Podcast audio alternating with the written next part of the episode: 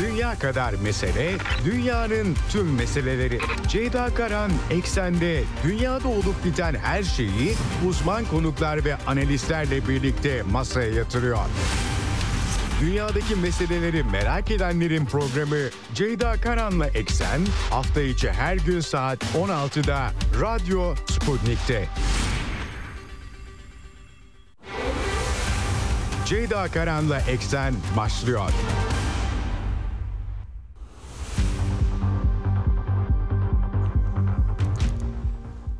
Eksenden merhabalar. Bugün 30 Kasım 2023 günlerden Perşembe. Dünyadan haberlerle karşınızdayız.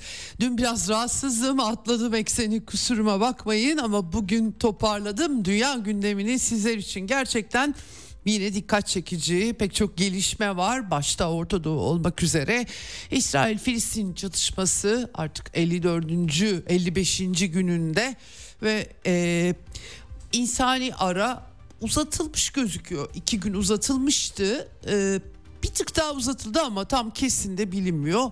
Ee, tabii esir takası, rehine takası e, var. Pek çok e, açıklama var. Katar, CIA, Mossad arasında Doha'da görüşmeler var. Ee, Hamas'ın elindeki askerleri de bırakmasını sağlamaya çalışıldığı anlaşılıyor gelen haberlere göre. Pek çok gelişme var. Dün akşam BM Güvenlik Konseyi'nde Filistin-İsrail oturumu oldu. Orada mesajlar aktarıldı. Dönem başkanı Çin toplantıyı yönetti. Dışişleri Bakanı Hakan Fidan da buna e, katıldı efendim. E, aktaracağım size bilgileri e, ama e, İsrail hükümetinin insani arın ardından da Gazze'nin güneyinde içerecek bir şekilde e, harekatına devam edeceği yolunda çok sayıda açıklama var. Ne olacağını herkes merak ediyor. Muhtemelen bu hafta sonu biraz daha uzatılmazsa eğer insani ara hep beraber göreceğiz. Tabii Ukrayna sahasında da çok önemli gelişmeler oldu. Ee, özellikle de e, Bahmut cephesi 20 Mayıs'ta Wagner güçleri Ukrayna'nın elinden almışlardı. Çetin bir e, e, mücadelenin ardından fakat etrafında baskı yapan bir takım bölgeler vardı. Ee, burada e, artık Bahmut e, Savaşı'nın tümüyle kapandığını söyleyebileceğimiz gelişmeler oluyor. Romovo diye anılan e, Rusya'nın Artemovskoye dediği kasaba alındı. E, Konstantinavka yolu açıldı mı açılmadı mı Ukrayna ordusunun komutası o bölgede oradaydı. E, fakat önemli gelişmeler olduğunu belirtmek gerekiyor. Tabii NATO toplantısı vardı Brüksel'de yine. Ee, Ukrayna ile ilgili e, ortaklık konseyi e, toplandı. E, Avrupa'nın silah mühimmat sıkıntısı, e, Ukrayna'ya NATO üyelik vaadinin yine yapılamaması, müzakerelerle ilgili pek çok bilgi e, yansımış durumda. E, bunları da size e, aktaracağım hepsini. E, Rusya kanadında tabii e, yine önemli gelişmeler var. E, Finlandiya taze NATO üyesi Rusya ile bütün sınırını kapatmış durumda. Tuhaf gerekçeler Finlandiya'yı artık aşırı sağcılar yönetiyor. Pek kimse anmıyor ama NATO üyesi olduğu için. Rusya'dan yapılan açıklamalar var tabii onları da size aktarmaya çalışacağım. Ee, Almanya'dan Avrupa'dan yine gelişmeleri bugün. Ee, dikkatimizi programın son bölümünde ise e, konuğum Profesör Hasan Ünal olacak. Kendisi çok kısa süre önce bu, bu hafta başını ben de aktarmıştım Moskova'da. E, Primakov e, forumuna katıldı. E, e, Rusya'nın önemli bir diplomatı e, Primakov 1990'lı yılları takip edenlerin hatırlayacağı onun adına bir uluslararası forum var. E, oradan tabii ki önemli mesajlar verildi. Profesör Hasan Ünal da bir sunum yapmıştı. Biraz çok kutupluluğa giden dünyadaki görüntüyü, temel tartışma başlıklarını ve bunların Primakov e, forumuna yansımalarına bugün bakacağız. Hasan Hoca ile hem kendi sunumunu soracağım hem tabii ki Gazze şeridi ile ilgili bu çatışma, Avrupa'nın tutumu pek çok tartışma döndüğünü anlıyorum aslında notlara baktığımda kendisi de bizzat orada olduğu için e, hem değerlendirmelerini alacağız hem e, hem de izlenimlerini alacağız e, programın son bölümünde. Başlamadan hemen frekanslarımızı tekrar edelim. İstanbul'dan 97.8, Ankara'dan 96.2, İzmir 91, Bursa 101.4 ve Kocaeli 90.2 karasal yayın frekanslarımız bunlar. Bunun dışında Sputnik Türkiye'nin web sitesi üzerinden cep telefonu uygulamasıyla yine Türkiye'nin her yerinden bizi dinleyebilirsiniz. Tabii e, Telegram hesabı en kolay yöntem varsa eğer Telegram hesabınız Radyo Sputnik'e katılmanız hem canlı yayınları izlemeniz hem de daha sonra kayıtlar arkadaşım koyuyor. Oradan da rahatlıkla bakabilirsiniz. Dünyada ne olmuş, ne bitmiş, kim ne demiş, gerçekten neler oluyor. Ee, istiyorsanız işitmek e, kayıtları Telegram'dan istediğiniz saatte dinleyebilirsiniz. Diyelim başlayalım eksene. Dünya kadar mesele, dünyanın tüm meseleleri. Ceyda Karan Eksen'de dünyada olup biten her şeyi uzman konuklar ve analistlerle birlikte masaya yatırıyor. Dünyadaki meseleleri merak edenlerin programı Ceyda Karan'la Eksen hafta içi her gün saat 16'da Radyo Sputnik'te.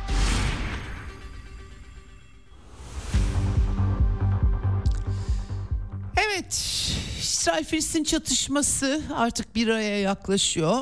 E, nihayet bir geçici ateşkes, insani mola diyelim, rehine değişimi için bir nefeslenme diyelim. Gazze'ye de yardımlar girdi çünkü bunlar ilan edildi. 24 Kasım'da geçen cuma aslında neredeyse bir hafta oluyor. 4 gün için yapılmıştı. 2 gün daha uzatıldı. Aslına bakarsanız bugün itibariyle artık bitmiş olması gerekiyor bu sabah itibariyle ama e, uzatıldı gibi de anlaşılıyor. Hem Katar'dan hem İsrail ordusundan hem Hamas'tan e, uzatıldığı açıklaması geldi. E, tabii süresini bilmiyoruz. Ben size aktarmıştım aslında ilk başta. İsrail ordusunda opsiyonlu bir savaş kabinesi, opsiyonlu bir seçenek e, çıkarmıştı. Yani günlük 10 rehineye karşılık bir gün gibi ki yabancılar da var sayı artı artabiliyor. Dolayısıyla böyle bir şey yürürlüğe konmuş gibi geliyor ee, ve e, tabii bir takım rehinelerin ölüm haberleri de dün geldi. Ee, bir aile üç kişilik hatta birinin bebek olduğuna dair haberler gördüm. Kesin olarak bilmiyorum ama bunun tabii insani arayı e, uzatmayı zorlaştıracak bir unsur olabileceği tartışıldı. Fakat sonuç itibariyle e, e, uzatılmış gibi gözüküyor. Ne kadar bilmiyoruz doğrusu. E, diğer yandan Batı Kudüs'te Batı Şeria'da çatışmalar da oluyor. İsrail baskınları en son e, iki çocuk hayatını yitirdi anladığım kadarıyla onun cenaze törenleri de vardı. E, ama e, nihayetinde herkes bu işi kalıcı bir ateşkese çevirmek için diplomatik anlamda e, harekete geçmiş gözüküyor. Katar Dışişleri Bakanı e, Bakanlığı sözcüsü bu konuda açıklamalar yaptı. E, Netanyahu'nun savaş kabinesi sözcüsü de 5 gün daha uzatılabilir diye bir ifade kullandı ama dediğim gibi opsiyonel olduğu anlaşılıyor. Doha'ya taşındı bu görüşmeler. Mossad Başkanı'nın gittiğini aktarmıştım. David Barnea'nın CIA direktörü William Burns de aynı şekilde Katar'a gitmiş durumda. Ya e, işte Anthony Blinken da e, bugün itibariyle İsrail'de üçüncü turu bölgeye ama İsrail'e dördüncü gidişi onu belirtelim. Devam edecek hatta oradan Orta Doğu turuna nereye gidecek tam bilmiyorum ama e, nihayetinde e, İsrail hükümetine e, Amerikalıların da bir parça daha belki uzatma için baskı yaptıkları da anlaşılıyor. Burada tabii e, pazarlığın unsurunun tam olarak ne olduğunu anlamaya çalıştığımız zaman İsrail askerleri sadece siviller kadınlar değil askerler de var çünkü o rehineler arasında onların da bırakılmaya çalışıldığı e, anlaşılıyor bu son pazarlıklarda ama e, bunu da doğruladılar e, Mısır istihbaratı da var bu arada sadece Katar değil onu da ekleyeyim. Dün G7'den de rehinelerin tüm rehinelerin yani bu arada 3000'den fazla da Batı Şeria'da bu krizin başından beri e, insan gözaltına alındı. Orada da çocuklar var. Belki onları kastediyorlar mı bilmiyorum ama rehinelerin bırakılması çağrısı yaptı e, G7. Ama e, Hamas yöneticileri tabii bu arada onlar da Arap medyasında konuşuyorlar ve e, abluka sona ermeden ve İsrail saldırısı bitmeden hiçbir şekilde askerleri İsrail askerlerini de bırakmayacaklarını söylüyorlar. Ateşkes de yeterli değil. İşgal, işgal güçlerinin çekilmesi, yani İsrail'in tekrar dışarı çıkmasını istiyorlar. Yoksa biz hazırız diye de e, vurguluyorlar. Dolayısıyla e, biraz belirsizlik var. Dün e, önceki gün 5. dün akşam 6. kez de esir takası yapıldı. evet, Taylandlılar da bırakıldı. Dört Taylandlı. iki Rus, Rusya talep ediyordu ki Hamas özellikle açıklama yaptı. Putin yönetiminin, Vladimir Putin'in çabalarına karşılık iki Rus kadının bırakıldığı e, bilgisi vardı. Ee, e, böyle bir çerçeve var ateşkesle ilgili yardımlarla ilgili bu arada Avrupa Birliği'nden e, e, Avrupa Komisyonu'nun yetkilisi Janez Lenarcic açıklama yaptı. İnsani yardım, yakıt girişleri Gazze şeridindeki hastanelerin çoğu işlemiyor ama yakıt girişi önemli. Bunun önünün açılması gerektiğini vurguladı. Cumhurbaşkanı BM Genel Sekreteri Guterres'le telefonda görüştü. Dün akşam aynı zamanda e, bir toplantı oldu BM Güvenlik konseyinde Erdoğan işte tabii Giteres'e işlenen İsrail'in işlediği suçların hesabını ver, vermesi gerektiğini vurguladı. İspanya'ya teşekkür etti. Avrupa içerisinde en çok bu meseleye sahip çıkan Avrupa ülkesi İspanya gibi gözüküyor. Dün aynı zamanda 29 Kasım bu arada Uluslararası Filistin halkıyla dayanışma günüydü. O vesileyle de açıklamaları var Cumhurbaşkanı'nın. Başka insanlar da başka liderler de yaptılar tabii ki. Ee, Burada bu arada Türkiye'nin Avrupa Birliği ile e, parantez içerisinde AB ilişkilerine dair e, siyasi, ekonomik işte ticari ilişkilerin durumunun ele alındığı bir rapor ortak basın toplantısıyla duyuruldu. Tabii yani artık Türkiye-AB ilişkileri rafta gözüküyor ama bu, bu çerçevede komisyonun genişlemeler sorumlu üyesi Olivier Varheyli'nin açıklaması çok dikkat çekici. İki devletli çözümü Türkiye ile görüşmeye hazırız demesi ne alaka çözemedim. Türkiye'nin tek başına yapabileceği bir şey yok iki devletli çözüm için ama e, orada biraz böyle taltif etme var tabii işte Libya'dan Somali'ye, Türkiye her yerde falan tarzında gaz mı vermeye çalışmış diye açıkçası aklıma düşmedi e, değil. Dün tabii bir de MGK bildirisinde İsrail'de geçti. İnsanlık dışı suçların işlendiği ve bunların er ya da geç neticeleriyle yüzleşileceği vurgulandı. Ee, devletler, devlet e, uluslararası sistem açısından bu tarz harekatlar her zaman sıkıntılı. Bir tek İsrail yapmıyor onu da belirtmek gerekiyor. İsrail'in tabii ki Gazze'de bu büyük yarattığı büyük insani dramı görmezden gelmek mümkün değil gerçekten. Ama e, yani öte yandan mesela pek e, Türkiye e, MGK'nın bildirisinde de çok ilginç bir detay bu. Türkiye'nin de biliyorsunuz Suriye toprakları uluslararası çerçevede tanınmış topraklar üzerinde ve Irak'ta da operasyonları olduğunu hatırlatalım ama Ankara MGK bildirisinde e, özellikle vurguyu e, sivillerin e, durumunu dikkate alarak operasyonlar yürüttüğünün altını çizmiş. Bir de tabii bütün bu Filistin meselelerinin bölgeye yansımasına da vurgu var. Ee, Irak özellikle, Kerkük. Ee, hepsi yer almış tabii yani. Şimdi Güvenlik Konseyi toplantısında peki ne oldu? Antonio Guterres BM Genel Sekreteri en etkisiz BM Genel Sekreteri diyorum ben kendisine. İşte 111 BM çalışanı hayatında yitirdi. Bu işte bitmeli artık kalıcı ateşkes lazım diyor ama pek de bir etki yaratmıyor. Filistin Dışişleri Bakanı konuştu. Çin e, yönetti dönem başkanlığını Çin yürütüyor. Wang Yi gitti e, New York'a ve e, yani e, bu bu iş böyle gitmez e, mesajları verildi. İki devletli kararlar, BM kararları da var bu arada. Onların uygulanmasını vurguladılar hep e, ve insani yardımlar. E, Rusya'nın BM daimi temsilcisi Nabenzia, Rusya Dışişleri Bakanı Agit toplantısı için Üsküp'e gitti. Nabenzia Rusya Federasyonu'nu temsil etti ve onun da uyarısı dikkat çekiciydi doğrusu. Yani e, ara verildi ama e, bittikten sonra yeni bir şiddet dalgası yaşanma riskinin yüksek olduğuna aslında herkesin gözleriyle rahatlıkla görebileceği şeye de dikkat çek, çekti Nabenzia. Tek çare e, kararlı önlemler alınması bunu yapacak olan güvenlik konseyi ama işte orada da dengeler var. Amerika Birleşik Devletleri de buna geçit vermiyor. Katar Başbakanı El Sani de e, uluslararası hukukun tek kriterli ayrımcı ve seçmeci bir biçimde uygulanmasından şikayet etmiş. Yani e, evet e, Filistin meselesi gerçekten 20 20. yüzyıldan kalma önemli bir sorun. E, uluslaşamama, ulus devlet kurulamaması e, o tarihsellik içerisinde başka ülkelerde de pek çok böyle sorunlar var ama tabii Filistin meselesinde e, e, İsrail'in kuruluşu buna karşılık Filistin'in BM taksimini o dönemde ulus bilinci de ne kadar olduğunu biraz tabii tartışabiliriz. Çünkü Arap ülkeleriyle de hareket ediyorlar.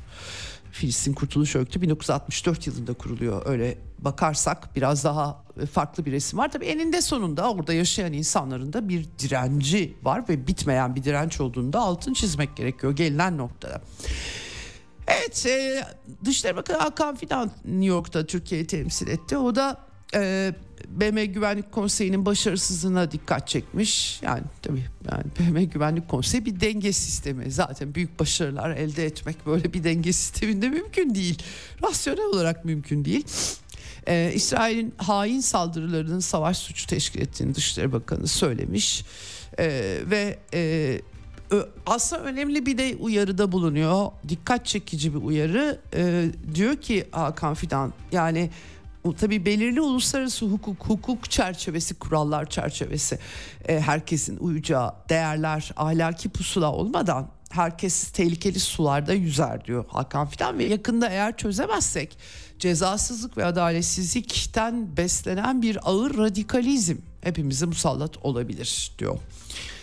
Evet yani tabii o kadar küçük yaşta çocuklara yapılan e, muamelenin sonuçları var. Sürekli bir güvenlik konsepti içerisinde var olmak da hiç kolay bir şey değil bir toplum için. E, dolayısıyla gerçekten bir çözüm gerekiyor. Ama nasıl bir çözüm tabii işin o kısmı biraz fazla tartışmalı. Ee, Hakan Fidan garantörlük mekanizmasına atıf yapmış. Filistin halkına işlevsel ve tüm haklarının tanındığı bir devlet verilmesi gerektiğini söylemiş. Ee, doğru söylüyor ve de ama tabii ki hangi topraklar üzerinde işte 20. yüzyıldan kalma ulus devletleşememe sorununu 21. yüzyılın artık ortalarına yaklaşırken bu şekilde nasıl çözebiliriz? Haritayı yeniden çizerek çözebilir miyiz? Haritalar genellikle bir tarafın mağlup olmasıyla çiziliyor. Onu da belirtmek gerekiyor ve e, ben mesela başkenti Doğu Kudüs olan 1967 sınırlarına dayalı formülü çok da gerçekçi e, üzerinde çalışılmadan tek başına gerçekçi bulmuyorum. O toprakları çok dolaşmış bir gazeteci olarak. Yani Taksim Meydanı'nın bir tarafı birinin öbür tarafı öbürünün diye bir şey söyleyemezsiniz. Yapamazsınız bunu uygulayamazsınız. Ha açık şehir bilmem ne tartışabilirsiniz ama o zaman da başka bir egemen uluslararası devlet haline gelmiş. Çünkü devletleşmeyi kabullenmiş o dönemde.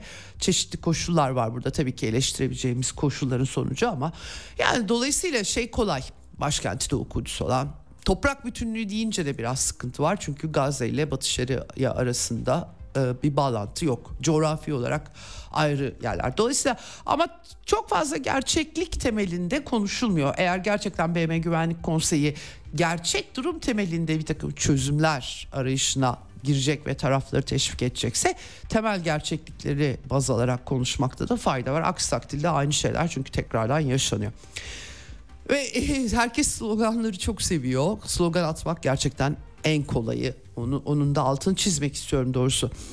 Şimdi e, bir yandan tabii İsrail medyası, Amerikan medyası yakında savaşın gerçekten sona ereceği bir anlaşma çıkacağını söylüyor. Olabilir bir sürpriz yapabilirler. 2014'te de aslında Netanyahu yine Hamas'ı yok edeceğiz filan diyordu ve 51 gün sonra vazgeçti. Şimdi de aynı şey olabilir mi? Tam bilemiyorum ama New York Times'tan tutun da işte İbrani medyasına kadar her yerde bu işleniyor. Ama tabii bütün bunlar Netanyahu'nun İsrail'de artık sağ siyonizm giderek tamamen hakim olmuş vaziyette İsrail'de. Ee, ve Netanyahu'nun e, aşırı sağcı koalisyonunda tehdit ediyor. Ulusal Güvenlik Bakanı Itamar Ben Givir açıkça e, X hesabından kendisi işte savaşın durdurulması eşittir hükümetin dağılması diye yazmış. Yani hükümeti dağıtırlarsa da anketlere göre Netanyahu'nun tekrardan seçilmesi çok kolay olmayacak. 7 Ekim saldırısı sonrasında tabii ki. Otsima Yehudit, Yahudi Gücü Partisi'nin lideri 5 milletvekili var ve e, Netanyahu açısından savaşa çatışmaları, operasyonu devam etmemek pek bir seçenek gibi de gözükmüyor açıkçası. Bilemiyorum dolayısıyla gerçek bir savaşı durdurma çıkar mı? Bir mucize olur mu? Onu bilmek zor. Netanyahu son iki gündür tabii bütün bu koşulların farkında olduğu için sürekli konuşuyor. Saldırılara devam edeceklerini söylüyor. Tüm hedeflere ulaşılacak, rehineler kurtarılacak, Hamas yok edilecek diyor. Bir de e, Bild, Alman Bild gazetesine de konuşmuş. Orada çok ilginç gülümsetti beni biraz.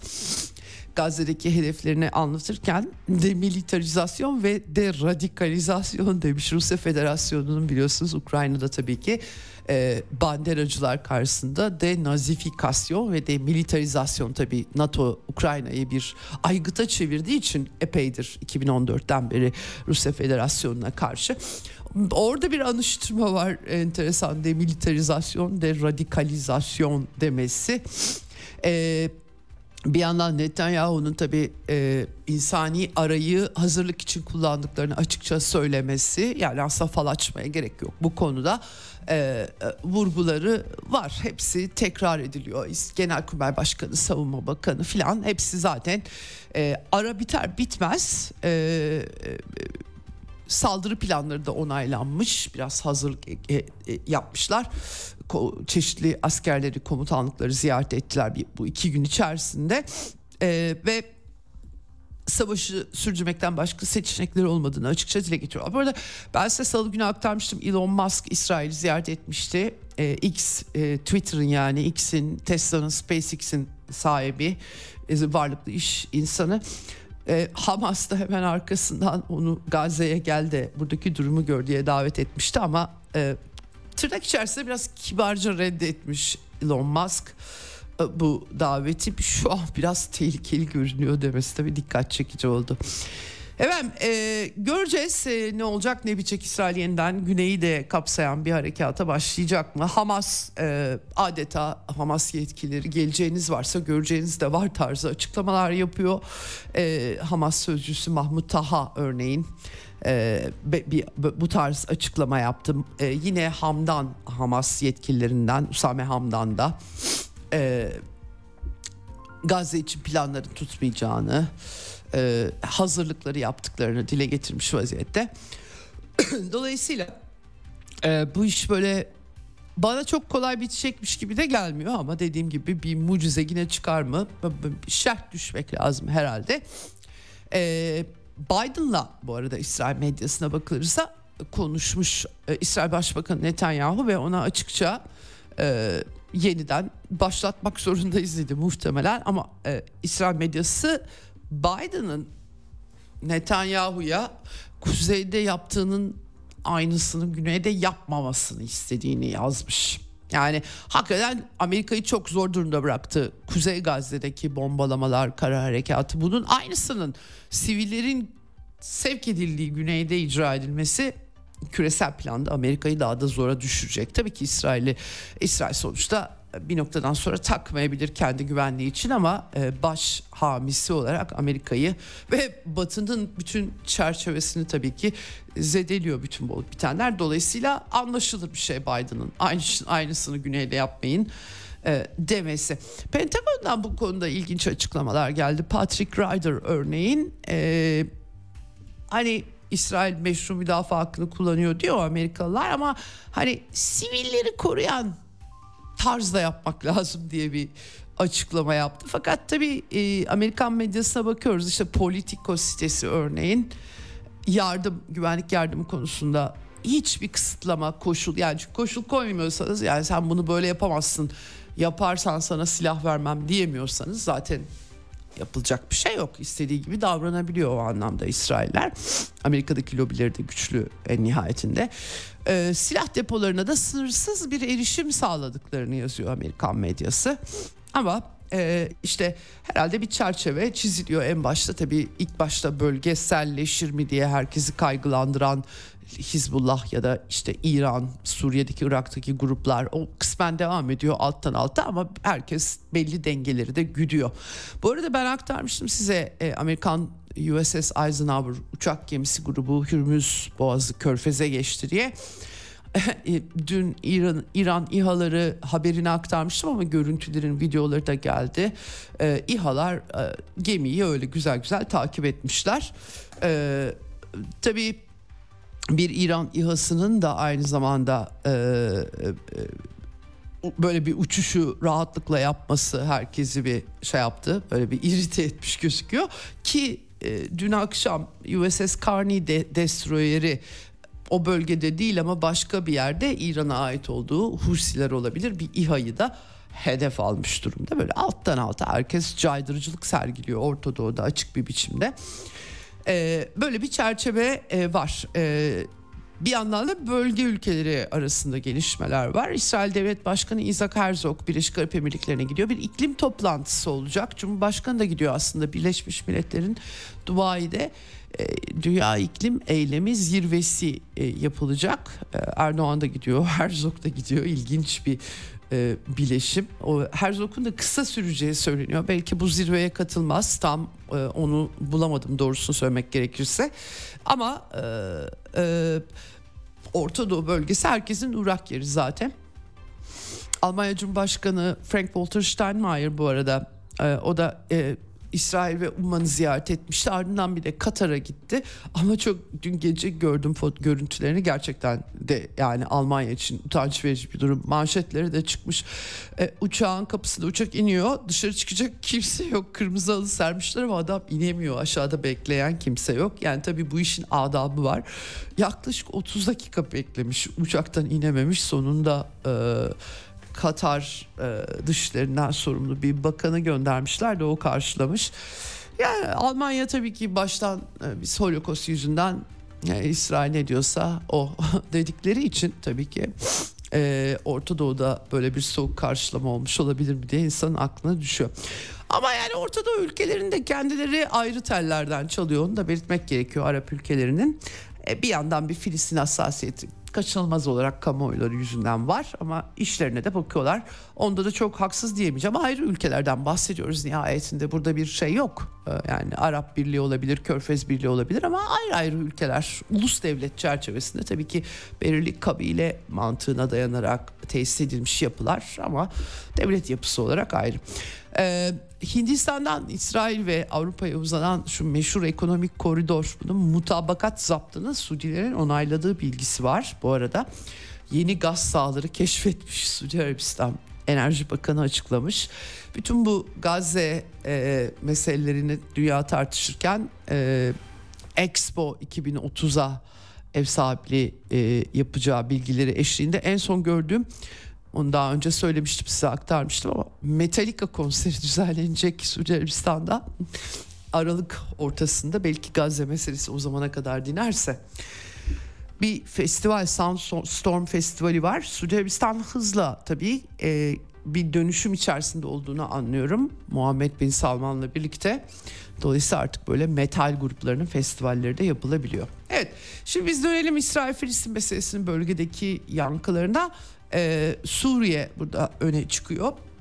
Rusya Federasyonu ateşkes için BM'de girişimlerde bulunuyor, bölgesel diplomasiyi işletiyor vesaire. Bir de tabii ki Amerika'nın her şeyin önünü kestiği tespitleri yapıyor yetkililer. Ama öte yandan da İsrail çok özür dilerim.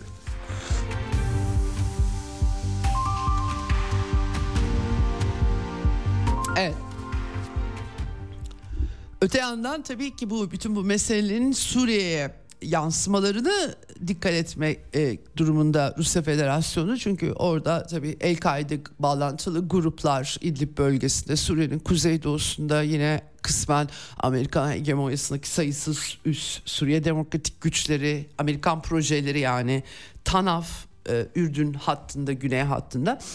E, İlginç bir gelişme BM Genel Kurulu'nda ilginç demeyeceğim aslında normalde sayılmalı ama e, Golan Tepelerindeki İsrail işgaline son verilmesi çağrısı Genel Kurul Güvenlik Konseyi değil 91 destek 8 üye karşı çıkmış 62'si çekimsel kalmış. Açıkçası çok fazla çekimsel çıkmış. Daha önce BM kararları var tabii burada. 67'deki 6 gün savaşında İsrail Golan'ı almıştı. Oraları çok ben vaktiyle dolaşmıştım. Su kaynakları falan çok zengin bir bölge. İsrail yönetiminin oraları vermesi savaş çatışma dışında bana sorarsanız pek e, imkan dahilinde değil. Ama tabii ki uluslararası hukuka göre de işgal altında topraklar. Dolayısıyla genel kurul geri iade edilmesini söylemiş. Şimdi bunların tabii Suriye'ye yansımaları ile ilgili de uyarılar var. Bunu BM e, temsilcisi Dan Benzia dile getirmiş. Zaten e, İsrail-Filistin çatışmasının bölgeyi de etkilediğine vurgu yapmış. E, ve bir an önce tabii Türkiye Suriye e, normalleşmesi için Rusya Federasyonu çok büyük çabalar harcadı ama orada da bir dondurulmuşluk hakim var. Çok da hakim ve çok da aşılamıyor bu dondurulmuşluk. Onu da e, belirtmek gerekiyor. Evet e, Rusya liderinin dün Mahmut Abbas'a 67 sınırları dahilinde Filistin devleti kurulmasının önemini vurgulayan dayanışma günü e, mesajı da var. E, Kolombiya liderinin Katar'a e, müteşekkir olması insani ara için övgüleri var. Batı dünyası zengin dünyanın çizdiği manzaraya dair analizleri dikkat çekici böyle bir çerçeve var. Evet şimdi e, Ukrayna'ya geçmeden önce hemen bağlarken e, size önemli bir isimden bahsedeceğim. Amerika'nın eski Ulusal Güvenlik Danışmanı ve Dışişleri Bakanı e, Amerikan diplomasisinin usta bir ismi olduğunu teslim etmek lazım. Henry Kissinger 100 yaşına basmıştı ve sonunda öldü. E, nihayet öyle diyelim Connecticut eyaletindeki evinde yaşamını yitirmiş. E, Yahudi asıllı Nazi Almanya'sından kaçan bir ailenin çocuğu ve e, Amerika'da çok önemli yerlere gelmiş bir isim. E, Gerald Ford Nixon ve Ford dönemlerinde e, Dışişleri Bakanı ve daha sonra da 1969-75 arasında da e, Ulusal Güvenlik Danışmanlığı var tabi. E, en önemli herkesin aklına gelen üç e, coğrafya tabii ki Amerikan militarizminin en azgınlaştığı dönemler e, bunlar 20. yüzyılda. E, özellikle Kamboçya halı bombardımanları, Vietnam Vietnamların başına gelenler ve Güney Amerika tabii onu da ihmal etmemek gerekiyor. Ee, tabii dünya halinin de göstergesi aslında Kissinger'a bakınca Nobel Barış Ödülü de almıştı Vietnamlı e, liderle birlikte e, Le Duc ile birlikte ama tabii Vietnamlı lider böyle bir şeyi reddetti. Çok tartışmalı bir Nobel Barış Ödülü. Tabii devlet adamları verdikleri zor kararlarda e, büyük facialara yol açabiliyorlar. Onun da yükünü taşımaları gerekiyor. Bu bağlamda da bakılabilir. Ya da e, hakikaten Amerika'nın savaşlarıyla dünyanın getirildiği duruma da bakılabilir.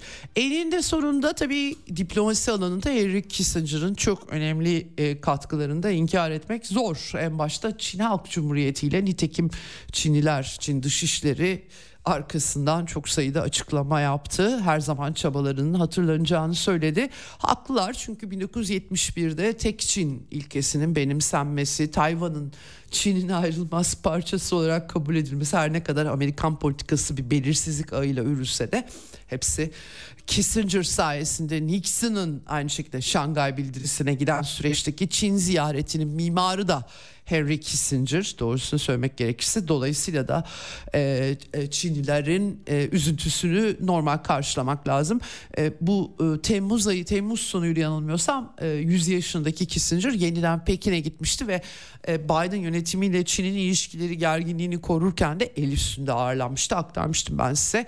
E, e, dostum diye hitap etmişti Xi Jinping e, e, e, e, Kissinger'a. Kissinger aynı, aynı zamanda Ukrayna konusunda da böyle hemen Rusya'dan da Putin'in açıklamaları oldu.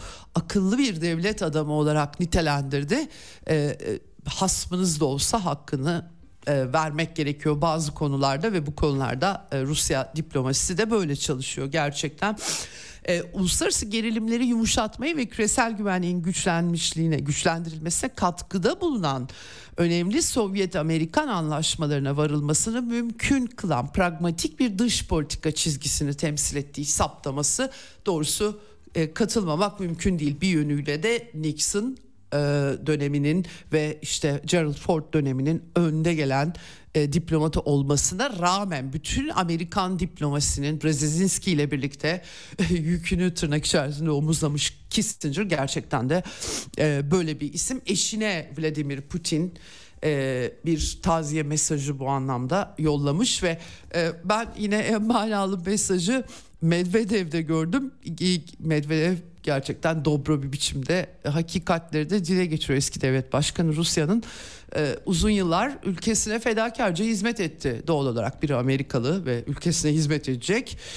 Aynı zamanda gerçekleri dikkate alan sadece Amerikan dış politikasının kurallarını takip etmeyen bir e, pragmatist bir politikacıydı demiş Medvedev ve arkasına eklemiş Şimdi onun gibi insanlardan ne Beyaz Saray'da ne de Batı dünyasında eser kalmadı. gelen gideni aratıyor. Yani şimdi gerçekten hem e, cehalet e, işte e, geçen gün Listras'ı anlatmıştım size. Britanya'nın 45 gün iktidarda kalan e, başbakanı harita bilmez, yol bilmez, iz bilmez ama bol keseden lafları saçar. Amerikan diplomasisinin düzeyinde de büyük bir düşüş olduğunu tespit etmemek çok zor. Tabii Kissinger'ın dönemi biraz daha sofistike kişiliklerin var olabildiği bir dönemde Medvedev'e hak vermemek mümkün değil. Şu bugünün çılgın neokonları e, üslup konusunda da çok vahimler. Küresel diplomasi yürütürken kullandıkları üslup. Bu açılardan bakıldığı zaman her ne kadar Vietnamlılar, Kamboçyalılar, Latin Amerikalıların hissiyatları farklı olsa da orada desteklenen askeri diktatörlükler, klasik Amerikan politikaları her ne kadar böyle olsa da gerçekçilik bakımından bu güç ilişkilerinde ve jeopolitikte önemli bir isimdi. Altını çizmek istiyorum ben de. Evet. Buradan gerçek hayata dönersek Ukrayna'ya bakabiliriz. Efendim dün e, gel önemli bir haber düştü. Bahmut, Artyomovsk. Geçtiğimiz seneye damgasını vurdu. Mayıs 20 Mayıs'a kadar o Aralık ayı gibi 2022'nin e, kızışmaya başlamıştı. 5 ay süren çok yoğun çarpışmalar olmuştu. Bahmut muharebesini aktarmıştım ben size. Artyomovsk Rusya'nın e, Ruslar bölgenin Rusları o şekilde anıyor. Şimdi ama Wagner güçleri sonra çekildi e, ve etrafı tamamen kontrol altına alınamamıştı. İşte Romovo yine Rusya e, Rusça'da Artyomovskoye denilen kasaba artık Rusya güçlerinin kontrolü altına geçti. Bu şu demek bütün Bahmut cephesinde e, büyük metropol bölgesini zaten Mayıs sonunda 20 Mayıs'ta kontrol altına almıştı Rusya güçleri ama artık tamamen almış oldular. General Surski'nin Bahmut ısrarı tıpkı 4 Haziran'da başlayan Ukrayna'nın güney cephesindeki taarruzu gibi başarısız olmuş gözüküyor. Bir tık daha yukarıda haritaya bakıldığında zaman görülebilir. Tabii burada çok insan kaybetti Ukrayna ordusu onu belirtmek lazım. Şimdi bundan sonra işte Bogdanovka, e, Ivanovka, Krasnoye diyor Rusya, Ruslar bu arada. E, ve e, tabii ki onun ötesi Çasofyar ve e, daha önemlisi Konstantinovka tren istasyonu e, hikayesini hatırlayacaksınız. Burası Ukrayna ordusunun karargahı ve 30 kilometre sadece. E, cephedeki ilerleyişi yansıtıyor. Aynı şekilde Avdiivka cephesinde de çok hızlı, çok beklenenden hızlı Rusya güçlerinin ilerleyişi, tren yolu hattı, lojistik lojistiğin geçtiği e, gelen son haberler e, artık e, metropol bölgeye de yavaş yavaş ulaşmaya başladığı Rusya güçlerinin yolunda. E, tek e, farklı yer Kupyansk, kuzeyde Kupyansk cephesi. Orada Ukrayna güçleri Sinkovka bölgesinde taarruzda bulunmuşlar. Çok sayıda Rus askerinin e, kuzey cephesine yerleştirildiği haberleri, bilgileri de var tabii ki. E, zaten alanı ele geçirmekten yola çıkarak da bakmıyorlar. Abrams tanklarının bu arada e, bu cephede Kuzey Kupyansk cephesinde görülmeye başlandığı yolunda e, haberler var efendim. E, şimdi e, bunun dışında bu e, Abramslarla ilgili ilginç söylentiler de var.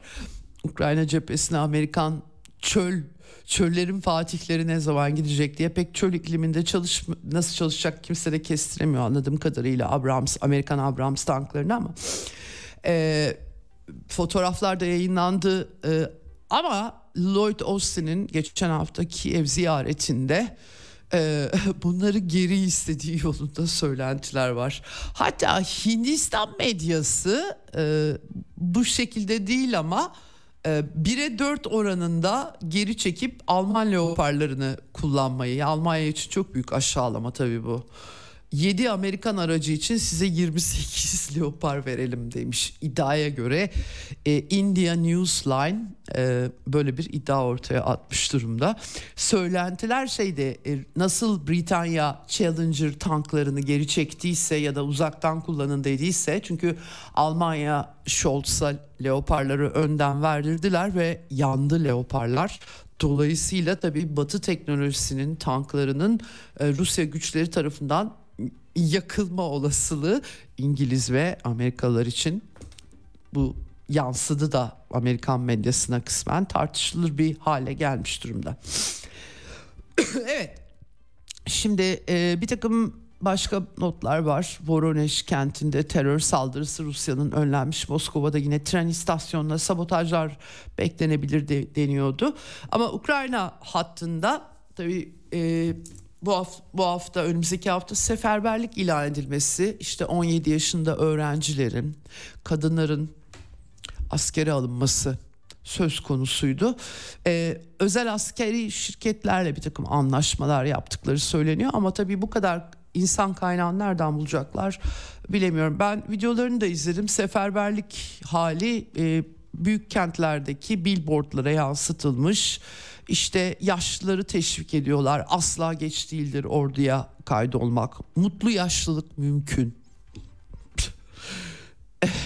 gibi gibi şeyler yazmışlar. Kadınlar için de çok acayip. Gerçek bir erkek mi bulmak istiyorsunuz? Cevabı biliyorsunuz. Tüm gerçek erkekler şimdi burada. Ukrayna ordusuna katılın. Gerçekten çok inanılır gibi değil ama e, kadınları askere almak için kullanılan e, yöntem. Tabii bütün bunlar Zelenski hükümetinin başındaki dertlerden azade etmiyor. Genelkurmay Başkanı Zaluzhny ile kapışma hali artık çok açık bir biçimde, gözle görünür bir biçimde ve e, The Economist dergisi e, acaba batılı okurlarını Zelenski'nin düşüşüne mi hazırlıyor yoksa Zaluzhny'nin gidişine mi hazırlıyor çözemedim ama e, Ukraynalı yetkililere dayanarak anketlere de atıflar yaparak yüzde e, e, bir saniye hakikaten oran da vermişler Kasım ayı itibariyle e, Zaluzhny Zelenski'den iki kat daha fazla güvenilirliğe sahip yüzde yetmişe 32 diyor. Ne işe yarayacak ben çok bunu çözemiyorum. Çok ciddi bir kapışma olduğu ama açık. Ee, Kiev'deki banderacıların kendi aralarında General Zaluzhny de sıkı bir banderacı bu arada. Zelenski de e, Yahudi asıllı banderacı. Çok bir ideolojik olarak farkları nedir? Ee, çok fazla e, kestirmek e, açıkçası zor. Şimdi e, bu arada e, bütün bunlar olurken e, bunlar tartışılırken bu reytingler e, Ukrayna askeri istihbaratının başı Budanov. En korkutucu Nazi de o. Ukrayna'nın askeri istihbarat şefi olarak belki işine geliyordur öyle bir görüntüde. Eşini e, zehirlemeye kalkışmışlar. Tabi hemen Rusya'yı sorumlu tutuyor ama Ruslar reddettiler her şeyde bizi suçluyorlar diye. Pek çok insan kendi aralarındaki Zarujni'ye yakın bir e, komuta kademesinden bir isim suikastle hediye gönderilerek öldürülmüştü. Kendi aralarında da olabileceği tabii ki e, belirtiliyor. Böyle şeyler de e, oldu nihayetinde. Şimdi bu koşullarda bir de dün Amerikalılar Atakams füzelerini Ukrayna'ya teslim etmişler. Menziline bakmak lazım. Daha önce de vermişlerdi çünkü ama o menzilini düşürmüşlerdi. 300-330 kilometre işte 165 kilometreye Rusya topraklarına çok ulaşmasın diye düşürdükleri haberleri yansımıştı. Ee, tabii bir sıkışmışlık var. Amerika'da e, Temsilciler Meclisi Başkanı Mike Johnson e, Ukrayna'ya yardımın öncelikli olduğunu söylüyor. Hadi bizim sınır koruma göç Meksika sınırı duvar tedbirlerimize daha fazla para ayırırsanız bakarız. Tabi e, Putin'in Avrupa'da ilerlemesine izin vermeyiz falan gibi söylemlerle bunları şey yapmış. Kongre tartışacak. Zaten Reuters Amerika'da kongrede dağıtılan verileri yayınlamış. E, o çok ilginç. Ayrılan bütün bu fonlar Biden yönetimi 61 61 milyar dolar istiyor. O fonların çoğu bu arada Ukrayna'ya değil Amerika içerisindeki savunma sanayine gidiyor. 31 eyalet bu işten bolca para e, kazanıyor. Pensilvanya var, Arizona var, Texas var. 155 milimetre kalibre top mermileri burada e, üretiliyor. Yani finansman yapıyor bu e, Biden dolayısıyla aslında 61 milyonu alıp kongreden alıp Zelenski'ye de vermiyor yani. Amerikalılar faydalanıyor bu işten. Savunma sanayi işte. E, bunları da yayınlamış durumdalar. Yani bu biraz ikna etmek için yapıyor. Bakın zaten bunları biz alacağız. Ukrayna'ya vermeyeceğiz gibisinden.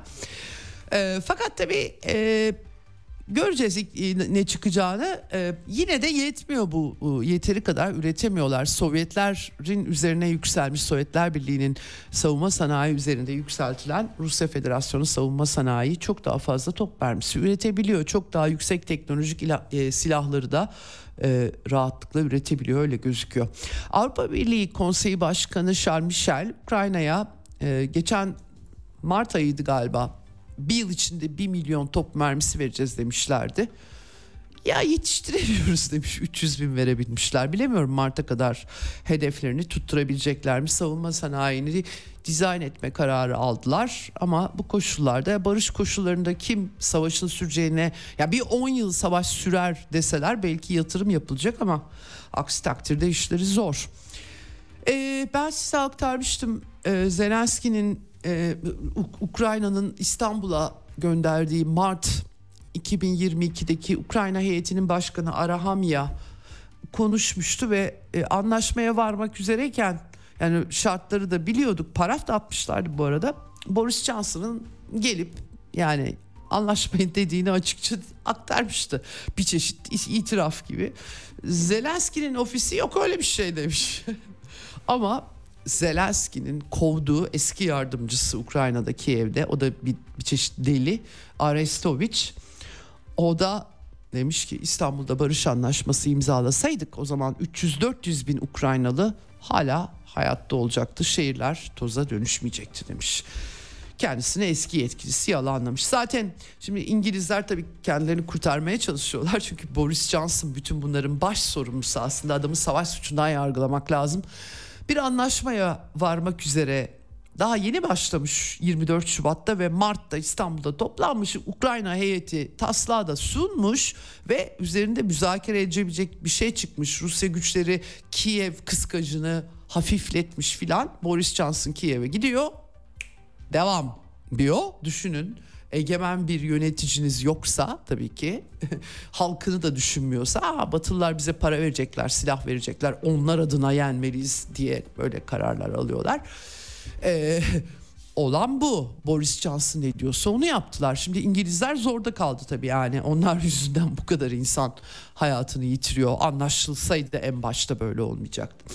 O yüzden kalkıp 2022 e, senesinden kal, kalma bir Reuters haberi üzerinden Putin zaten kabul etmiyordu ki diye eski daha Minsk anlaşması ölmeden önceki arabulucu üzerinden bir takım tuhaf tuhaf şeyler yayınlamışlar. Halbuki İstanbul'daki heyetin Rusya heyetinin başkanı Medinski o da anlattı tekrardan olup bitenleri. Ben size anlatmıştım aslında bu geçtiğimiz bütün süreç içerisinde nasıl öldürüldüğü, çöpe attırıldığı.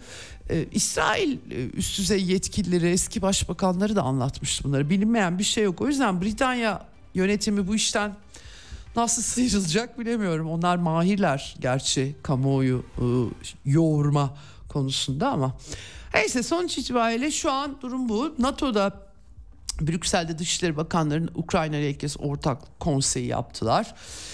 Stoltenberg silah sevkiyatını arttırmaya çağırdı. Rusya'nın zafer kazanması bir felaket olur dedi. Tehlikeli dünya. E, hepsi öyle dedi. Kuleba Dimitri Kuleba Dışişleri Bakanı Ukrayna'nın zaten biz de facto NATO ordusu haline geldik dedi.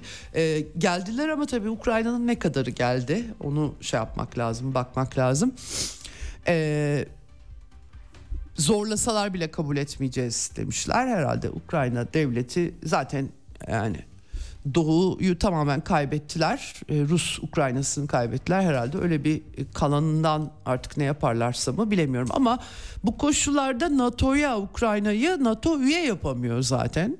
Öyle bir durum.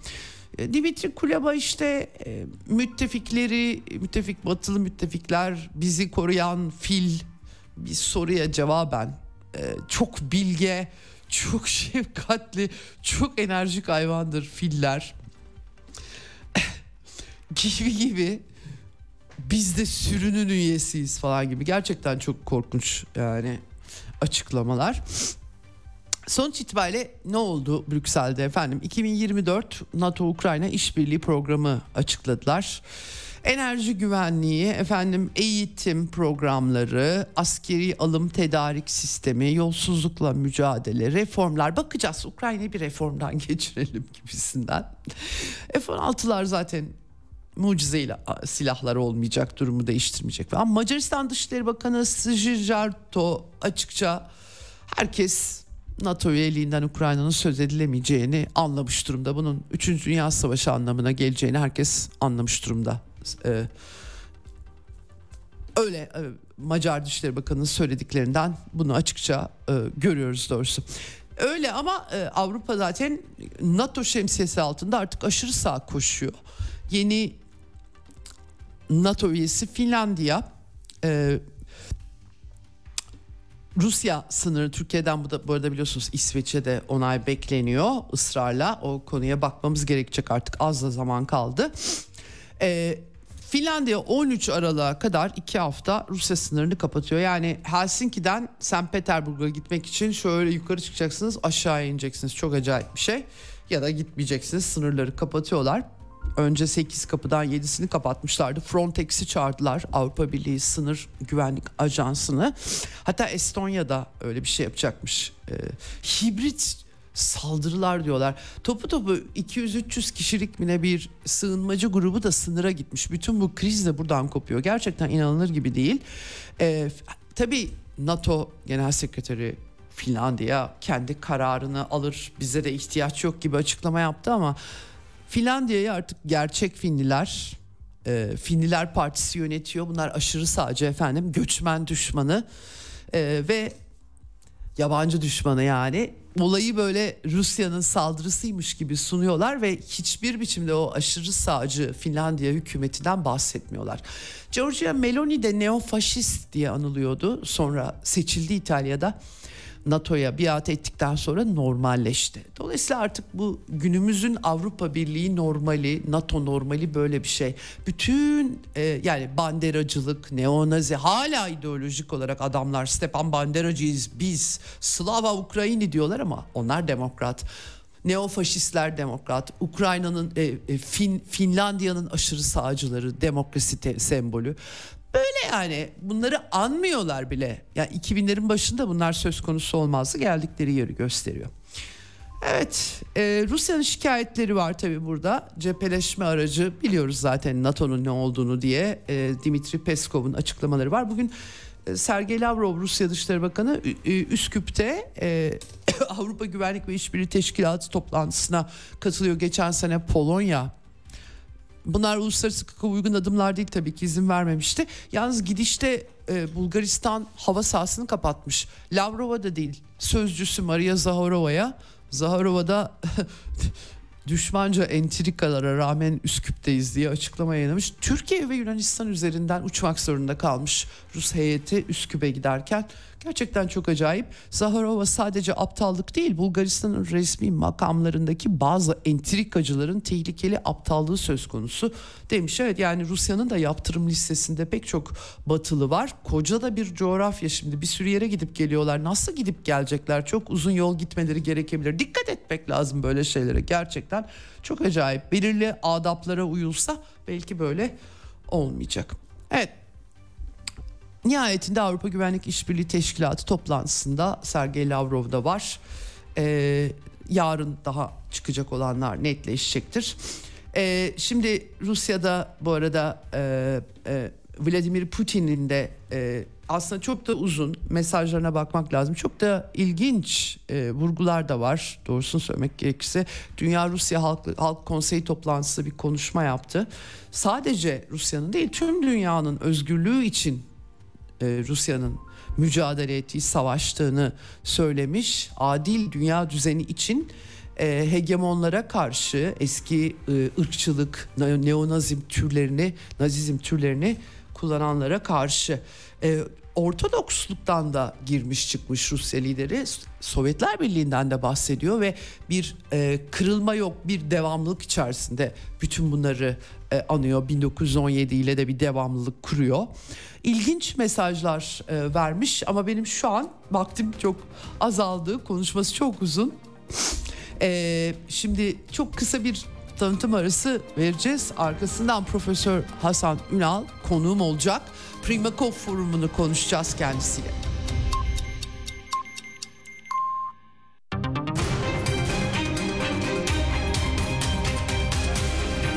Radyo Sputnik. Anlatılmayanları anlatıyoruz. Ceyda Karan'la Eksen devam ediyor.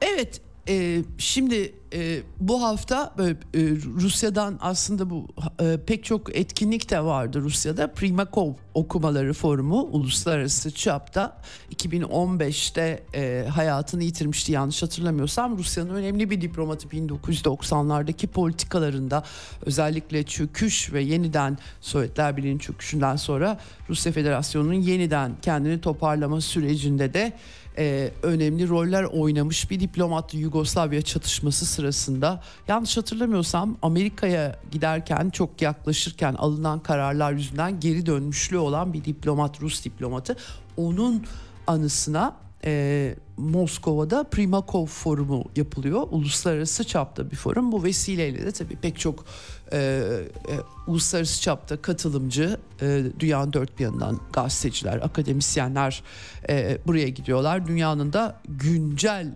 meselelerine dair bir e, takım gö, e, sunumlar yapılıyor, tartışmalar gerçekleştiriliyor ve tabii doğal olarak da güncel meseleler dediğim gibi bugün de e, Orta Doğu'yu konuşuyoruz. Ukrayna çatışması, Batı'nın tutumu, çifte standartlar pek çok pek çok şey e, konuşuyoruz. E, bu bu hafta e, Primakov forumu vesilesiyle Putin'in açıklamaları oldu, Sergey Lavrov'un açıklamaları oldu. Biraz pozisyonlarını tarafların bu sayede anlıyoruz. İşte Türkiye'den de e, bu forumun e, forumun katılımcılarından Profesör Hasan Ünal hocamız vardı. Bir sunum yaptı orada. E, hocama arkadaşlar bağlamışlar, haber verdiler. Hocam hoş geldiniz yayınımıza. Aa, hoş bulduk. Teşekkürler, iyi yayınlar. Sağ olun hocam. E, Moskova'dan döndünüz e, anladığım kadarıyla. E, evet, evet. E, Prim Primakov forumundan. E, Kusura bakmayın dün de ben biraz rahatsızdım o yüzden program da yapamadım ama bu forumu da atlamak istemiyorum. Çünkü gerçekten hem önemli mesajlar verildi hem anladığım kadarıyla bir yeni bir daha adil dünya uluslararası ilişkilerde daha adil bir dünya düzeni biraz batı hegemonyası e, kırılmalar yaşarken bunun yerini alacak olan şeyin temel taşları e, tartışıldı e, görebildiğim kadarıyla. Ee, siz de bir sunum yaptınız hatta bildiğim kadarıyla. Önce bir genel e, izleniminizi rica edeceğim. Soracaklarım var size ama e, önemli de bir forum. E, demin onun bilgisini aktarmaya çalışıyordum e, Yevgeni Primakov'la ilgili dinleyicilerimize. E, sizin daha önce de katılmıştınız yanılmıyorsam. E, bir izlenimlerinizi alalım kısaca sonra dünya gündemiyle ilgili kısımları da soracağım size. Şimdi e, bu Rusya'da son zamanlarda toplanan bu tür uluslararası konferansların gündemi çok kutupluluk. Yani hı hı. E, dünyada dünyanın tek kutupluluktan çok kutupluluğa nasıl evrildiği üzerine düşünen, fikir üreten, e, yazan, konuşan e, çok sayıda uzmanın katılımıyla bu toplantılar gerçekleşiyor. Bu Primakov Enstitüsü'nün düzenlediği konferansta bunlardan biriydi. Daha önceki katıldıklarım daha çok Valday'ın, Valday Kulübü'nün düzenlediği konferanslardı. Bu Primakov Enstitüsü'nün toplantısına ilk defa katıldım. Aa, Bu da okay. muazzam bir araştırma enstitüsü. Yevgeni Primakov'un anısına e, e, kurmuşlar. Yevgeni Primakov'u tabii çok el üstünde tutuyorlar onun hatırasını. Çünkü diyorlar ki efendim Yevgeni Primakov bize çok kutupluluğun gelişini anlattı. Hem öngördü hem bunun gelmesi gerektiğini, olması gerektiğini, bu tek kutuplu dünya düzeninin sürdüremeyeceğini anlattı. O açıdan Yevgeni Primakov bizim için çok önemli. Onun hatırasını yaşatmak üzere bunu kurduk diyorlar. Hı. Anladığım kadarıyla. Yani e, yüzlerce araştırmacı çalışıyor enstitüde. E, Valday'da zaten hepimiz biliyoruz çok önemli bir düşünce evet. forumu e, ve e, bunlar e, aynı zamanda e, hükümetle de e, iç içe çalışan diyelim. Ama çok hı hı. ciddi e, akademik otonomileri olan kuruluşlar. Yani öyle hı hı. hükümetle iç içe diye onların borozanı anlamına gelmiyor. Tabii genel hatlarıyla hı hı. E, işte çok kutupluluğu bir veri olarak alıyorlar. Bunu hem olması gereken bir şey hem de olan şu anda e, yaşanmakta olan bir süreç şeklinde düşünüyorlar, hı hı. ele alıyorlar ve e, bu açıdan e, önemli bir toplantıydı. Bu toplantının da ana gündemi bu. Yani Evet. Ee, mesela bu Orta Doğu'daki kriz, e, İsrail e, İsrail'in Gazze'de yaptıkları, bunun sonuçları şunlar bunlar bir oturumdu. Ben de orada konuştum. Ee, ama hı hı. bunun ötesinde pek çok başka oturum vardı ve bu oturumlarda işte Hindistan'dan gelen önemli katılımcılar yani bu önemli derken mesela Hindistan'ın diyelim ki Moskova'da daha önce büyük büyükelçilik yapmış e, şahsiyetleri hı. aynı şekilde hı. Çin Çin'den mesela çok sayıda insan geliyor. Ve mesela Hı. Çinlerin çok da güzel Rusça konuşuyor olmalarını görmek de enteresan bir şey. Orada evet. birçoğu bunların zaten eskiden Sovyetler Birliği döneminden itibaren zaten e, Sovyetlerde okumuşlar falan. E, dolayısıyla Hı. o Çin-Rusya arasındaki yakınlığın sonuçlarını da görmüş Hı. oluyorsunuz bu şeyle. E, evet. Başka konular da vardı. Yani e, hem ekonomik hem e, askeri Hı. stratejik açılardan çok kutupluluğun nasıl her gün e, dünya e, gündemine daha fazla yerleştiğini ve bunun nasıl devam edeceğini. Bu arada tabii tartışmaların önemli bir bölümü de e, bu nasıl olacak, nereye gidecek? Yani mesela hı hı. yeni savaşlar mı göreceğiz diye. Ben de az önce hı hı. söylediğim gibi bu onu o, evet Filistin İsrail e, meselesi üzerine daha doğrusu İsrail evet, hemen onu hı hı. Evet evet onun üzerine bir ee, konuşma yaptım orada İsrail'i... Evet onu soracaktım. Ee, hocam sizin sunumunuzun e, çerçevesini soracaktım ben de. Biraz e, yani sadece İsrail'in Gazze'deki e, e, icraatları 7 Ekim sonrası operasyonları, saldırıları üzerine mi yoksa bunun e, dünya e, batı e, e, tabii burada daha küresel boyutlar da e, içeriyor. E, bir parça bahsedebilir misiniz? Siz neler anlattınız oradaki dinleyicilere? Şimdi şöyle e, özetle ben şunu anlattım. E, daha önce geçtiğimiz haftalarda hariciye bir yazı yazmıştım zaten.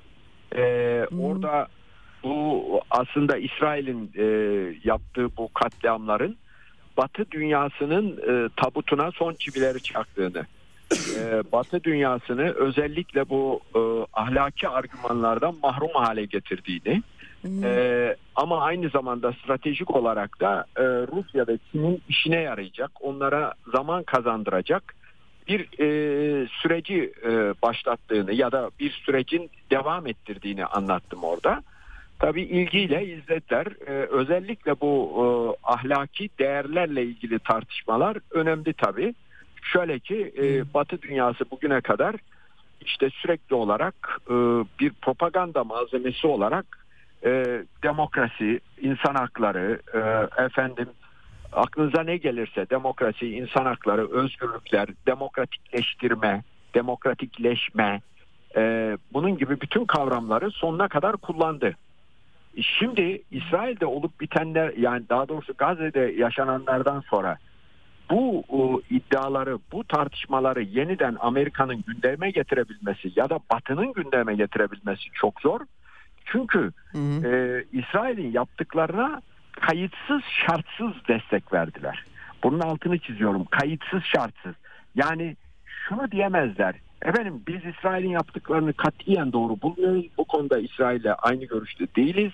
Ama mesela işte Hamas'ın yaptığında doğru bulmuyoruz falan. Böyle bir çizgi yok Batı'da. Yani e, neredeyse e, canım yani İsrail iyi yapıyor. Hatta e, daha az Filistinli öldürdü. Biraz daha fazla öldürseydi daha iyi olurdu. Bunu bir yandan Amerikalılardan duyuyor ve görüyoruz. Yani bu anlama gelen açıklamaları bir yandan da işte sürekli olarak demokrasi, insan hakları gibi konuların en fazla savunuculuğunu yapan Avrupa'dan örneğin Ursula von der Leyen. Yani bu Ursula von der Leyen Avrupa Birliği'nin hakikaten yüz karası haline geldi. Düşünün ki e, bunu e, yani boşuna da herhangi bir e, eleştiri anlamında da söylemiyorum bir vaka haline geldi. Çünkü kendi çalışanları bile Ursula Hanım'a ya kardeşim böyle şey olur mu? İsrail'in yaptıklarını görmüyor musunuz? Bu şekilde kayıtsız şartsız destek vermek Avrupa Birliği'nin bütün değerlerini ortadan kaldırıyor. Demek zorunda kaldılar yani mektup yazmak zorunda kaldılar. Aynı şeyleri e, Amerikan Dışişleri Bakanlığı personelinin kendi üstlerine Hı. karşı yaptığını okuyoruz. Bu arada yine e, Amerikan basından öğrendiğimiz kadarıyla Amerikan büyükelçilikleri e, merkeze çektikleri telgraflarda e, bundan sonra konuşabilecek herhangi bir kamuoyu hatta hükümet kalmadığını kendilerini ciddiye alacak, kendi argümanlarını ciddiye alacak bir kamuoyu ve hükümet kalmadığını o yüzden çok büyük bir e, işte ahlaki değerler kaybına diyelim sebep olduğunu bütün hı hı. bu gidişatın yazıyorlar ama buna rağmen Amerika'da bir Dışişleri Bakanı var. Gidiyor Tel Aviv'e ve diyor ki ben buraya sadece bir Amerikan Dışişleri Bakanı olarak değil aynı zamanda bir Yahudi olarak geldim. E Kissinger neydi? O Yahudi değil miydi? O bunu demeyi evet. bilmiyor muydu? Ama demedi. ha dünya evet. kamuoyları bilmiyor muydu? Evet biliyordu ama Kissinger her zaman bir Amerikan Dışişleri Bakanı olarak hareket etti. Belli dengeleri dikkate aldı. Yani şimdi Amerika 3. 4. sınıf insanlar tarafından yönetiliyor ve şimdi görüyoruz ki Avrupa da öyle. Yani şu Ursula von der Leyen eğer Avrupa'yı yönetiyorsa yandı. Dolayısıyla ısrarla bunun üzerinde durdum. Ben de dedim ki yani bu argümanlar artık bitti. Yani e, mesela işte e, şey nedir? E, kurallara dayalı dünya düzeni. Ne demek bu? Şimdi bundan sonra Amerikalılar evet. ya da Avrupalılar herhangi bir devlete ya da devletlere e, işte kurallara dayalı dünya düzeninden bahsedebilirler mi? Böyle bir şey dediklerinde muhatapları onlara ne der? Ha biliyoruz tabii canım kurallara dayalı e, dünya düzeni bu. Şu Hocam hangi kurallar tabii? Hangi tabii, kurallar diyor. Hayır bunu eskiden hepimiz biliyorduk. Hepimiz bunu zaten ee, tartışmalarını ee. yapıyorduk ama ortalama insan hmm. nezdinde düşündüğümüzde her şeyi kendi lehlerinde olan bütün kendi kurdukları dünya düzenini kendileri yıktılar hmm. adeta. Daha doğrusu İsrail'in hmm. yıkmasına göz yumdular. Ve e, bir şeylikle yani vallahi İsrail'e karşı hiçbir şey yapamayız der gibi böyle e, bön bön bakarak İsrail'in yaptıklarına kayıtsız şartsız destek vererek kendileri yıktılar. Yani akıl almaz bir sürecin içinden geçti dünya. Dolayısıyla ben özellikle bunu vurguladım. Dedim bundan yani, evet. yani şeylerimden biri buydu. İkincisi de stratejik olarak şöyle bir durumla karşı karşıyayız. Şimdi e, e bu Amerika'nın hiçbir şekilde karlı kazançlı çıkamayacağı bu tür Orta Doğu e, girişimlerinin Amerika'ya bir fayda sağlaması temin etmesi mümkün değil. Batı dünyasına fayda sağlaması da mümkün değil. Hatta şöyle düşünelim. Denilebilir ki 2001 yılında yani 11 Eylül olaylarından itibaren Amerika'nın bu Orta Doğu'da debelenmesi Çin'e nereden bakarsanız bir 30-40 yıllık rahatlık sağladı. Ee, hı hı. Yani Çin o dönemde kalkınmasını tamamladı, hızlandırdı, devam ettirdi, rezervlerini oluşturdu, silahlı kuvvetlerini olağanüstü e, güçlü hale getirdi. Kendi milli e, güvenliği açısından. E, ve bugün belki de Amerika'yı e, toplam ekonomik büyüklükte geçmiş durumda ya da geçmek üzere. Şimdi hı hı. E, Rusya'ya bakalım. Mesela bir Yeltsin Rusyası'yla bugünkü e, e, Putin Rusyası'nın mukayese edilir bir tarafı yok. Putin Rusyası işte e, evinin için temizliğini yaparak başlamış. Sonra e, ekonomiyi doğru dürüst bir e, raya oturtmuş. Ciddi rezervler sahibi olmuş. E, bu arada özellikle askeri alandaki teknolojilerini yenilemiş. O alanda batı evet. olan üstünlüklerini kat ve kat artırmış. Kendi kendine yeterliliğini de epeyce ciddi bir düzeye orana getirmiş bir Rusya'dan bahsediyoruz. Bütün bunlar olurken Amerika e, Orta Doğu'da debeleniyordu. Afganistan'dan başlayıp sonra Irak'ı işgal etmek, sonra bilmem e, Libya'yı e, istikrarsızlığa sevk etmek ve nihayet Suriye Savaşı falan. Pardon. Şimdi bunların bu ülkelere ciddi ciddi e, katkıları oldu, faydaları oldu, zaman kazandılar. Hı hı. Kaynaklarını daha iyi kullanmayı e, e, kullanmaları mümkün oldu filan. Şimdi Amerika'nın yeniden hatta Biden yönetiminin ilk göreve geldiğinde neler yapmak istediğini düşünürsek stratejik olarak mümkün mertebe Orta Doğu'dan çekilmekten yanaydılar. Ee, işte burayı buradaki e, şeylerini varlıklarını azaltmaktan yanaydılar. E şimdi çok daha ağır bir biçimde tekrar geldiler. Şimdi mesela Ukrayna-Rusya savaşına bakalım bir de Amerika'nın bu bölgedeki yığınağına. Bundan kim memnun olur? Rusya memnun olur. Ha denilebilir ki Rusya zaten o savaşı kazandı. Yok hocam ama... memnun olduklarını zannetmiyorum ama neyse yani hani gelinen nokta hayır, itibariyle. Hayır şöyle Amerika'nın buralarda debelenmesi birçok açıdan Rusya'nın işine geliyor. Bir defa Amerika bu bölgedeki halkları kaybediyor. İkincisi hmm. e, hükümetlerin e, Amerika ile olan ilişkileri çok ciddi sınamalardan geçiyor. E. Üçüncüsü Amerika'nın bu bölgelerdeki askeri e, varlığını artırması Ukrayna'ya yapabileceği yardım ve desteğin azalmasıyla sonuçlanıyor otomatikman. Yani bütün bunları yan yana getirdiğimizde ha mesela bölgeye yığınağının işte Rusya açısından acaba Suriye'ye olumsuz yansıması olur mu filan gibi alt başlıklar açılabilir. Ama genel hatlarıyla baktığımızda durum bu. Bu arada diyelim ki Rusya ve aynı anda Çin yani Çin de aynı şekilde memnun çünkü Amerika Orta Doğu'da bu şeyini artı e, devam ettirdikçe e, ve sonuçta bütün bu kayıpları da göze alarak devam ettirdikçe e, Çin'in dünya kamuoyuna verdiği mesajlar daha iyi yerini buluyor. Bölge ülkelerine verdiği mesajların alıcısı olabildiğince artıyor. ve hı hı. Çin yine zaman kazanıyor. Yani hı hı. şimdi bir sonraki Tayvan üzerinden Çin'e yönelik bir vekalet savaşı söz konusu olduğunda Çin'i çok daha hazırlıklı göreceğiz. Dolayısıyla evet. aslında e, yani stratejik açıdan bakıldığında da e, bunun e, bir e, Amerika'ya hizmet eder bir tarafı yok. Ama benim hep söylediğim gibi Amerika dış politikada hata yapma şampiyonluğunu hiç kimseye açık ara bırakmaz. Şimdi de aynı şeyi yapıyor. E, derslerde de öğrencilere ısrarla vurgularım böyle komplo teorileri üzerine düşünmelerini yıkmak için yani yok efendim işte her şeyi Amerika planlıyor 50 yıllığına 75 yıllığına 100 yıllığına bilgisayarın tuşlarına basıyorlar sonra her, her şey onların önceden planladığı gibi olup bitiyor falan diye düşünmesinler e, diye çünkü biliyorsunuz Türkiye müthiş bir komplo teorisi e, evet. şeyi evet. cenneti. Evet. Tek so, tek Hı. sorun o komplo teorilerinin dövize çevrilir şekilde ihracatının yapılamaması. Eğer öyle olsaydı Hı. zaten e, ciddi cari fazla verirdik. Ama mümkün evet, değil. Haklısınız.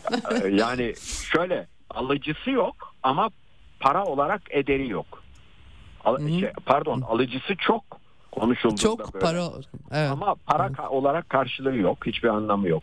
Şimdi yani tekrar dönecek olursak aslında burada evet bir moral argümanı, ahlaki argümanı kaybetmiş durumda Batı. İki, stratejik olarak Hı. bu bölgeye e, yeniden döndükleri için e, çok daha önemli konularda e, kendileri açısından ciddi gecikmeler e, ortaya çıkacaktır. Bir de bütün bunların batılı ülkelerin kamuoylarında da bir takım sonuçları olacağını düşünüyorum. Yani Şimdi başta Avrupa ülkeleri olmak üzere bunların kamuoyları e, kendi hükümetlerinin İsrail'e bu şekilde kayıtsız şartsız destek vermesini doğru bulmuyor. Çok açıkça bunu hepimiz görüyoruz, takip ediyoruz. Siz de görüyorsunuz, hı hı. takip ediyorsunuz. Ben de görüyor ve takip ediyorum. Şimdi bütün bunların ileride bu dönemin tarihi olayları yazılırken önemli karşılıkları olacaktır diye düşünüyorum. Evet. Yani özetle evet, bunlar anlattım. Evet. Evet. Evet hocam. Ee, peki hocam yani e, sorular falan oldu mu size? Nerelerden nasıl bakıldı yani ya da tepkiler oldu mu? Bir de son olarak onu sorayım merak ettim yani oradaki anlayış, e, anlaşılış biçimini ortak e, şey var mı, bakış açısı var mı? Onu da son olarak sormuş olayım. Yani şu oldu, sorular da oldu ama esas şeyi sordular. Şimdi bu tür toplantılarda hep şu oluyor. Herkes zamanı tam kullanmadığı için işte sorulara cevaplara hmm. çok az zaman kalıyor. O yüzden yeterince hmm. soru sorulamıyor. Evet. Ama şeyden sonra gelip bana işte e, teşekkür eden çok sayıda insan oldu. Yani hmm. e, konuyu anlamaya öne, katkıda bulunan önemli şeyler söylediğimi ifade ettiler. Hiçbir hmm. mecburiyetleri yok. Beni tanımıyorlar. Onlardan bazıları kendi ülkelerinde yapacaklar toplantılara beni davet etmek istediklerini e, filan söylediler. Bunlardan da anlıyorum ki yani e, yaptığım konuşmanın bir şeyi karşılığı olmuş. İkinci bir evet. şey de oradaki basın epeyce ilgi gösterdi. Onların hı hı. E, birçoğuna da işte benzeri şeyler anlattım. Onlar da yayınlanmış. Bir kısmını ben gördüm, bir kısmını göremedim hı hı. ama başka yerlerde yayınlanmış. İşte e, ortak dostumuz mesela Pepe Escobar benim bu demokrasi ala Gaza, democratization ala Gaza diye e, söylediklerimi kendisi Telegram şeyinde e, hesabında paylaşmış. Ben de başka arkadaşlardan duydum öğrendim. Yani e, bir, ciddi bir karşılık olduğunu düşünüyorum. Evet. Tabii mütevazi Peki. bir karşılık evet. Evet tabii tabii yok networking önemli e, küresel akademik meselelere yani dair evet. düşünmek tabii akademik evet. anlamda bir a e, böyle oluyor Batılılar da işlerini bu şekilde görürler hocam yani değişmeyen evet. e, şey budur aslında yöntem yol yordam budur. Peki çok çok teşekkür ediyorum e, forumu özetlediniz sizi sunumunuza aktardınız çok teşekkürler. Çok. Ben teşekkür ederim sağ olunuz hoşçakalınız. Evet. Evet, Profesör Hasan Ünal'la konuştuk. Ee, ben merak ediyordum Primakov e, forumundaki e, izlenimlerini. Bu sayede hem kendi analizini, güncel gelişmelere e, denk düşen kısımlarıyla birlikte aktarmış oldu. Hakikaten tabii bu tarz küresel toplantılarda aslında aynı konular üzerine düşünen insanlar görüş alışverişinde e, bulunuyorlar. Farklı ülkelerden sadece Rusya'dan da değil Hasan Hoca'nın ifade ettiği gibi Hindistan'dan, Çin'den başka ülkelerden katılımcılar oluyorlar. E, o açıdan da dikkat çekici. Şimdi tabii Hasan Hoca çok güzel özetledi. Aslında Batı'nın değerler dünyası sadece Gazze ile değil aslında Ukrayna ile ve belki çok daha önceden e, çökmüştü. E, zamanın ruhu farklıydı. Yugoslavya'da lambur lumbur köprüleri bombalayanlar, ülkeyi parçalayanlar e, ortada. E, bunu çeşitli gerekçelerle sundular o dönemde. O gerekçeleri popülerleştirdiler. Ama sonuç itibariyle e, o dönemin Amerikalı sözcüleri elektriksiz susuz kalacaklar boyun eğinceye kadar diyebiliyorlardı.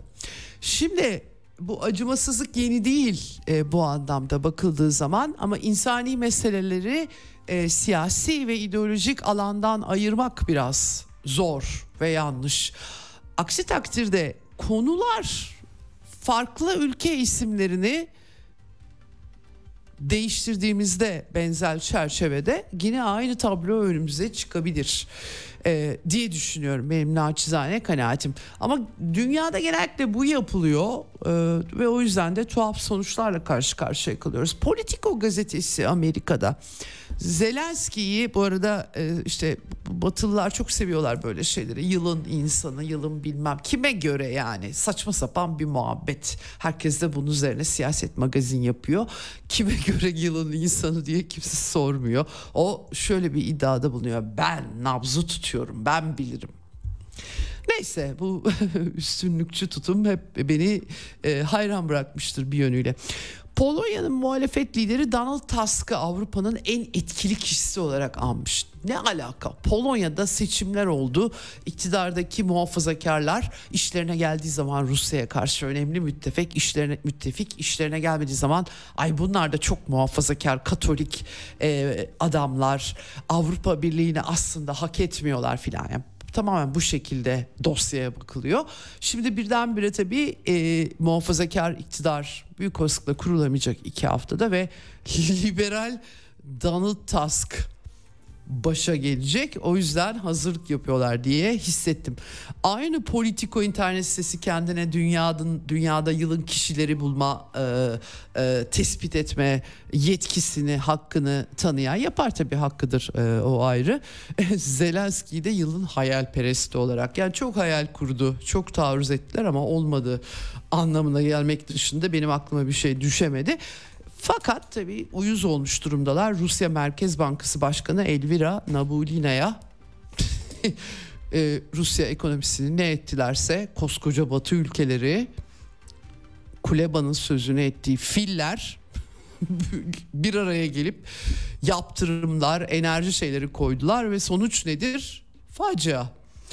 Efendim yılın yıkıcısı da e, Rusya Merkez Bankası Başkanı e, seçilmiş. Çok komik tabii hakikaten Batı'nın e, bütün kompleksleri, takıntıları tavan yapıyor e, diye benim aklıma doğrusu e, düşüyor. Ama bu e, Hasan Hoca'nın dikkati çektiği çifte standartları en azından yavaş yavaş kimileri görüyor herhalde. Almanya'da güvenlik uzmanı Florence Gaub en son yani demiş ki bu çifte standart yeni de değil ki Amerika Irak'ta işgal ettiği zaman ne biçim ne biçim trajediler yaratmıştı.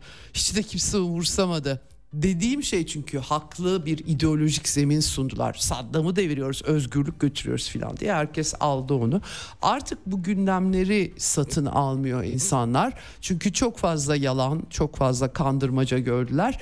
Gazze'de çok çocuk ve kadın öldüğü için bu çifte standartlar, e, davranış biçimleri, tutum Hasan Hoca'nın ifade ettiği göze çarpıyor ama aslında bu çifte standartlar yıllardır hiç değişmedi. Hep de aynıydı. Hep aynı yalanlar vardı. Bunlar da hiçbir değişiklikte olmadı. Ukrayna'da farklı değil bu durum. Ukrayna dosyası da farklı değil Batı açısından. Bu Alman uzman ZDF yayınında demiş ki artık ahlaki açıdan üstün olduğumuzu ve onların hepsinin hatalı olduğunu iddia edemeyiz. Çok kutupluluk ne getirecek, nereye gidiyoruz bilmiyorum ama e, bu tespiti doğru buluyorum efendim.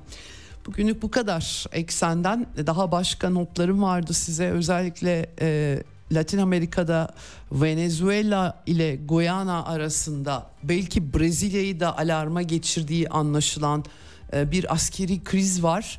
E, ama vaktim kalmadı. Yarın e, bu konuyu da özetlemeye çalışacağım. Yarın görüşmek üzere. Hoşçakalın. Ceyda Karan'la Eksen sona erdi.